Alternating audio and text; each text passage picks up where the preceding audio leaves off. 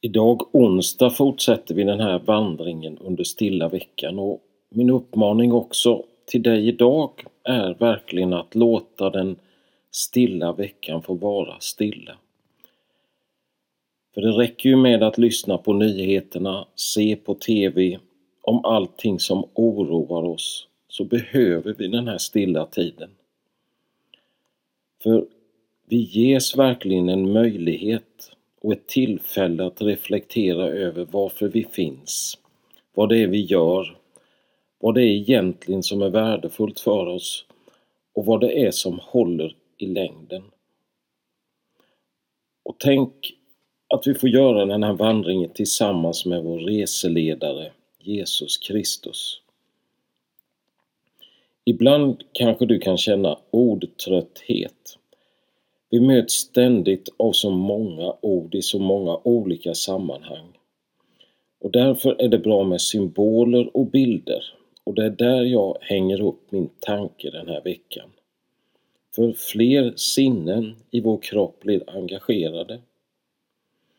I söndags började vandringen med att våga se sig själv som i en spegel. Och i måndags var det om bröd. Igår tisdag stannade vi inför vatten.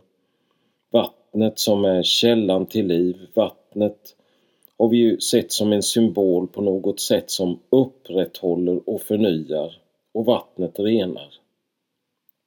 Ett av bibelorden var från Johannes 7 där Jesus ropar Är någon törstig så kom till mig och drick.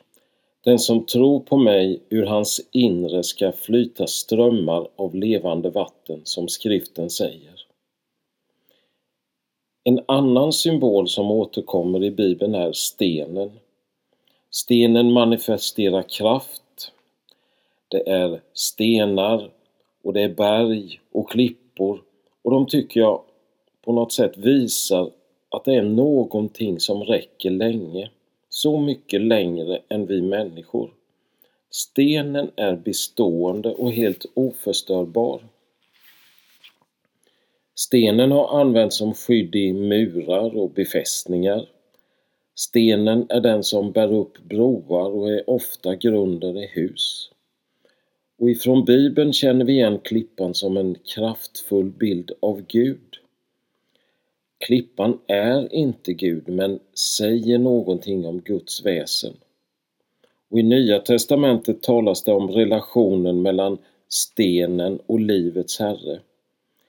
I stenen vilar en lovsång, där vilar ord. Jag säger er, om de tiger kommer stenarna att ropa.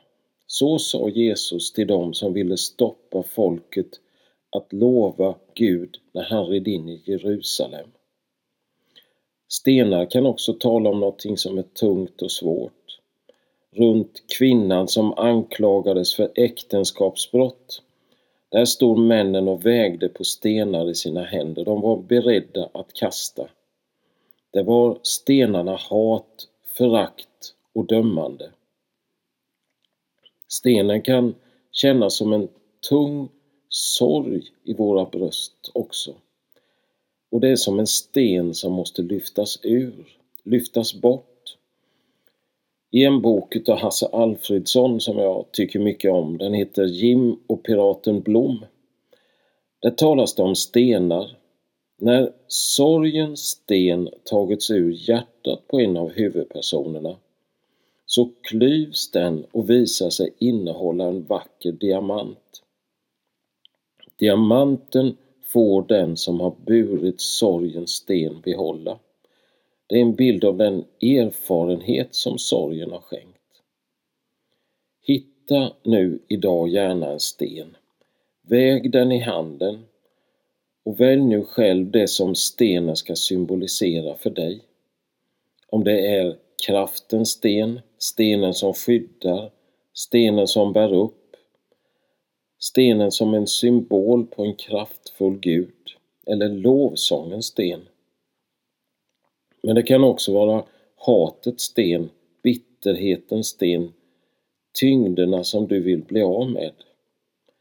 Men kom också ihåg sorgens sten, den där med diamanten i. Också idag får du komma till Jesus. Han vill skapa någonting nytt i dig. Ska vi be tillsammans? Gud, du kommer som en soluppgång om natten, som en låga för vår längtan, som den goda hjälpen att våga se sig själv, som bröd för vår hunger, som vatten för vår törst, som stenen, klippan vi bygger våra liv på. Amen. Också idag kommer dikten av Arne H Lundgren. Han gick in i din kamp på jorden, Gud tog plats i din egen gestalt. Han kände din puls, han blev trött liksom du och han älskade dig överallt. Han gick in i din sorg och längtan, Gud tog plats i din egen gestalt. Han grät med din gråt, han blev ledsen som du och han älskade dig överallt.